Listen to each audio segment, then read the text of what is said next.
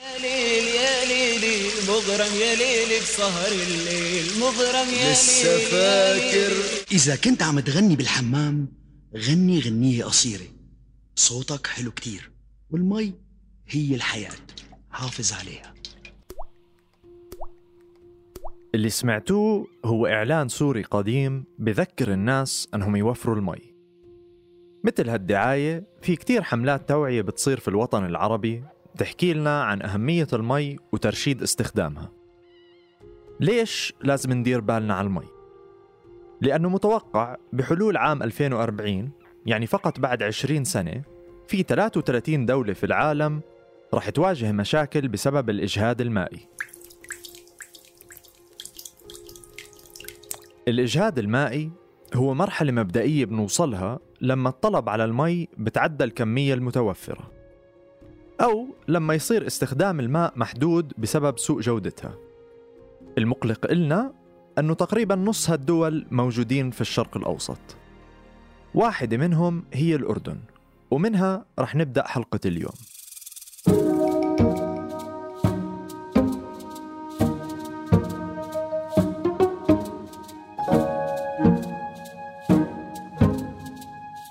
بعد ست سنوات من شغلي بمجال البيئة والتنمية الحضرية لاحظت أنه لساتنا محتاجين نحكي عن البيئة ونناقشها خاصة أنه المحتوى العربي بهذا المجال محدود. من هون انخلق هالبودكاست أنا علي عطاري بقدم لكم بودكاست مد جزر اللي رح ناخد ونعطي فيه لحتى نفهم بيئتنا أكتر. هذا العمل من إنتاج صوت بالتعاون مع مؤسسة فريدريش إيبرت.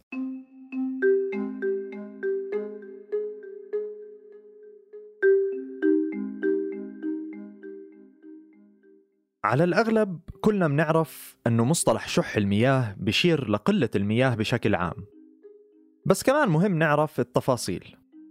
شو هي المعايير اللي بتحدد إذا دولة عندها شح مياه؟ الأمم المتحدة حددت أنه أي دولة يقل توفر المياه فيها عن ألف متر مكعب للشخص في السنة تصنف كدولة فيها شح مياه.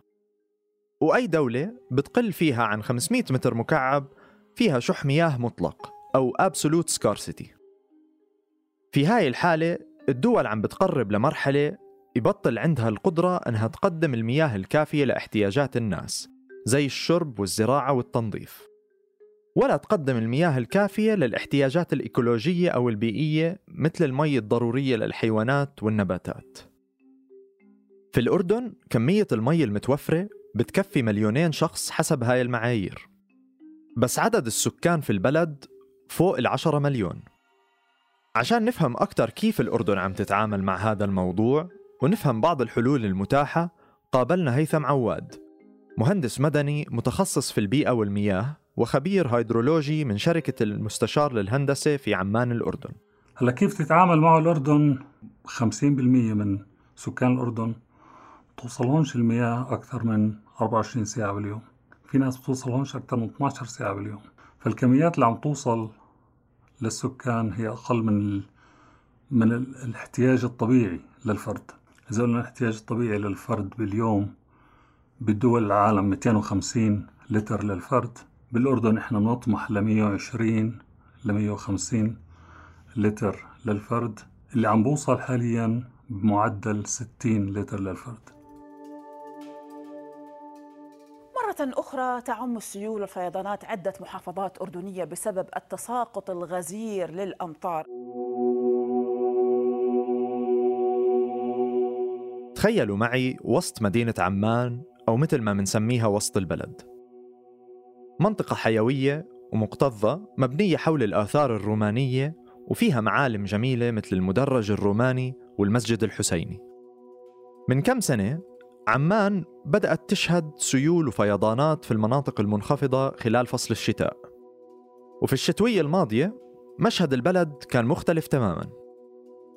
الشوارع كانت مليانة مي والمعالم كانت عبارة عن برك سباحة وسخة.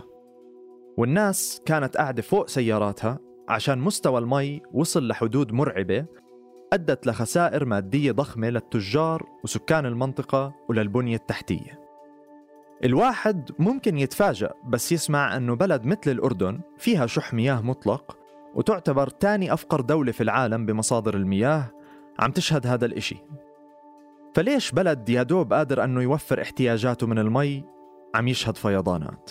في هون شغلتين بدنا نفرق بيناتهم. كمية المي ومنسميه الانتنسيتي أو الشدة المطرية. إحنا تاني أفقر دولة من حيث الكمية. الفيضانات هي نتيجة الشدة المطرية وليس الكمية. الشدة المطرية آه إلها سببين. السبب الأول شدة العاصفة المطرية اللي بتيجي. السبب الثاني التوسع العمراني اللي عم بيصير في عنا. التوسع العمراني بدل ما الأرض تأخذ تأخذ المي وتتسرب المي للمياه الجوفية وتصير سرعة جريانها أبطأ. التوسع العمراني عم بزيد لك كمية التدفق بنفس الوقت بزيد لك سرعة التدفق. فهذه العوامل هي اللي عم بتسبب عنا الفيضانات كشدة مطرية أكثر منها ككمية مطر.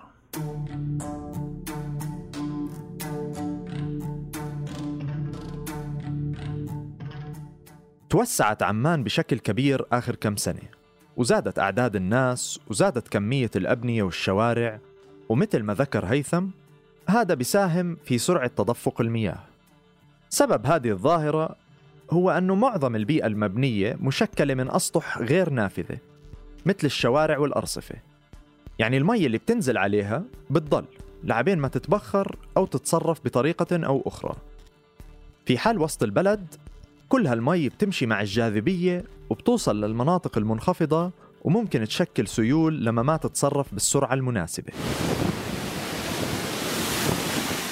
الجانب الآخر من هالمشكلة هو الشدة المطرية أحد العوامل اللي زاد من الأمطار الغزيرة اللي بتسبب هالسيول هو التغير المناخي.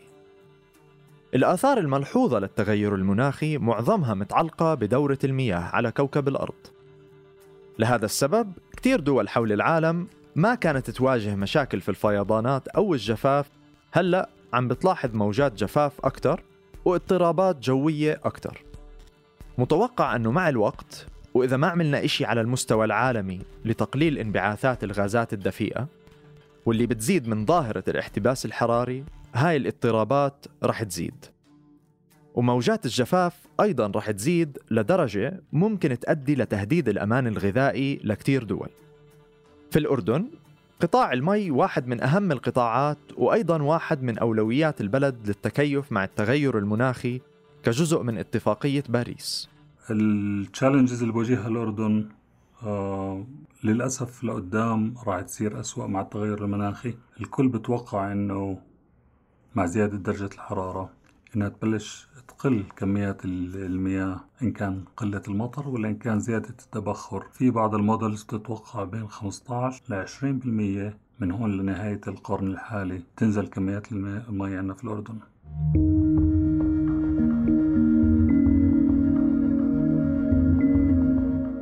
طبعا مشكلة المي بالأردن وبكتير دول حول العالم ما بنقدر نبسطها لكمية الأمطار والمياه الجوفية المتوفرة للبلد فقط.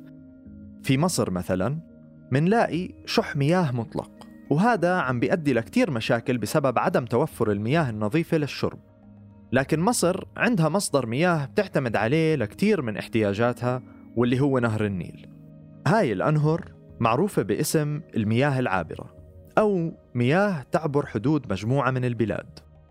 في العالم المثالي الواحد بيقدر أنه يستفيد من هالمياه بشكل متساوي بس هذه مش الحالة. الأردن على سبيل المثال كتير تتأثر من هذا الموضوع لأنها ما بتقدر تستفيد من مياه نهر الأردن ونهر اليرموك بطريقة متساوية مع الدول المجاورة. الأردن عندها تشالنج بالجهتين التقني والسياسي. دخلت الأردن في معاهدات آه، مع الدول المجاورة. بعض منها كان شوي مجحف بالنسبة للأردن. يعني لو أخذنا آه، مثلا معاهدة آه، سبعة وثمانين مع سوريا كان مفروض الأردن يوصل بحدود الميتين مليون متر مكعب. حاليا بوصلهاش حوالي سبعين.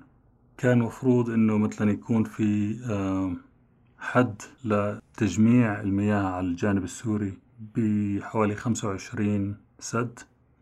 هلا في عندهم بحدود ال 50 سد. عندهم بحدود ال 3000 بير في حوض مياه اليرموك. نهر الأردن أيضا هي مياه عابرة. معظمه عم تستفيد منه طبعا إسرائيل من خلال التخزين في بحيرة طبرية. خلال معاهدات السلام آه، الأردن عم بتحصل آه، كمية من بحيرة طبرية 50 مليون متر مكعب. الأردن حفرت أبار أيضا ما. لكن الكميات اللي عم توصلنا كتير أقل من الكميات كانت المفروض توصلنا. فالأردن واقعة في في وضع صعب. الكميات اللي عم توصلها مش كفاية التزاماتها عمالها تحققها. وما عم بيصير إعادة نظر في حيثيات الاتفاقية وشو التطورات اللي صارت عليها بظروف التغيرات اللي عم بتصير في الواقع الجغرافي.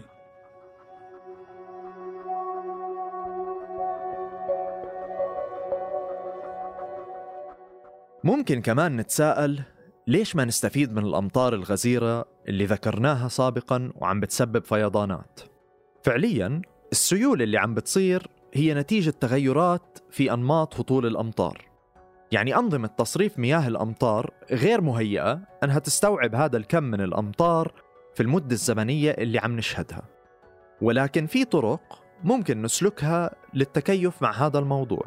الفيضانات اللي عم نلاحظها إحنا آه، بالمدن بشكل عام هي زي ما حكينا بشوي نتيجة التوسع العمراني وزي ما بتلاحظ آه، حضرتك إنه مش عم نترك مجال لأراضي طبيعية كلها عم نستخدمها لأسفلت وبيفمنتس وبنى آه، مصمت. الفيضانات مش إشي غريب على الدول ولا إشي يعتبر عيب أو تقصير من من الدولة. الفيضانات واردة بكل دول العالم. اللي إحنا آه، بنقدر نسويه في الأردن تنقلل من الخسائر ونقلل من الأضرار اللي عم تصير في الفيضانات. لازم نفكر بالحلين بنفس الوقت. ممكن تعمل آه، مسطحات خضراء إنها تأخر وصول المي. لكن بنفس الوقت متى وصلت المي على المنطقة المبنية لا بده يتكبروا الأقنية بدها تتكبر العبارات اللي تقدر تستوعب المي اللي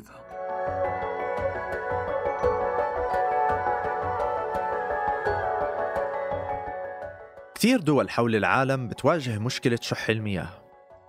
على سبيل المثال ببداية سنة 2018 كانت مدينة كيب تاون في جنوب أفريقيا بعيدة 90 يوم عن القطع الكلي للمي.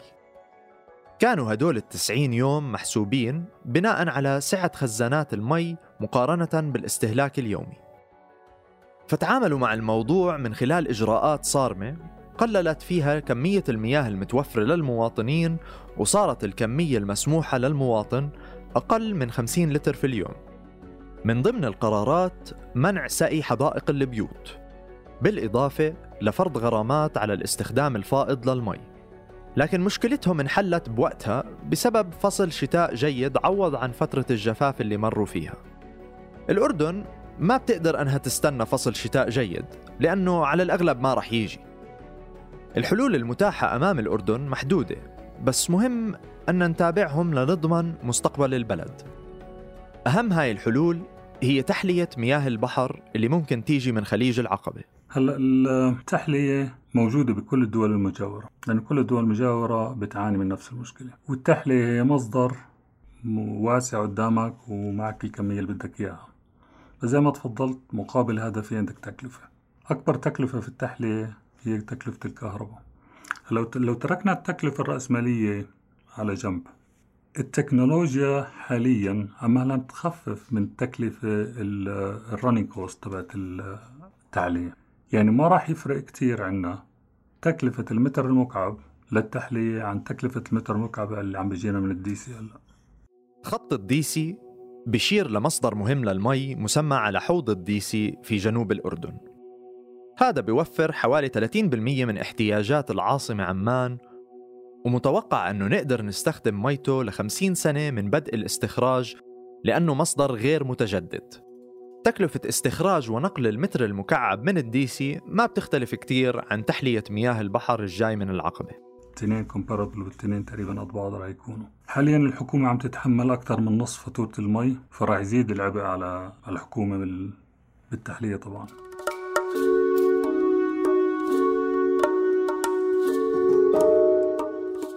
الأردن واحدة من كتير دول بتعاني من شح المياه. للأسف المصادر الطبيعية مثل الأمطار والمياه الجوفية غير كافية لتلبية احتياجاتنا والمياه العابرة أيضا ما بنقدر نعتمد عليها بسبب العامل السياسي. في حال الأردن لا يوجد حل سحري. على الأغلب الطريقة للخروج من هالمعضلة هو مزيج من الحلول أهمها هو التحلية. لكن أيضا لازم نتجه لتحسين كفاءة شبكة المياه من خلال تقليل التسربات اللي بتصير بالخطوط اللي بتروح للمستهلك وهيك بصير مردود المشاريع المكلفة مثل التحلية أحسن.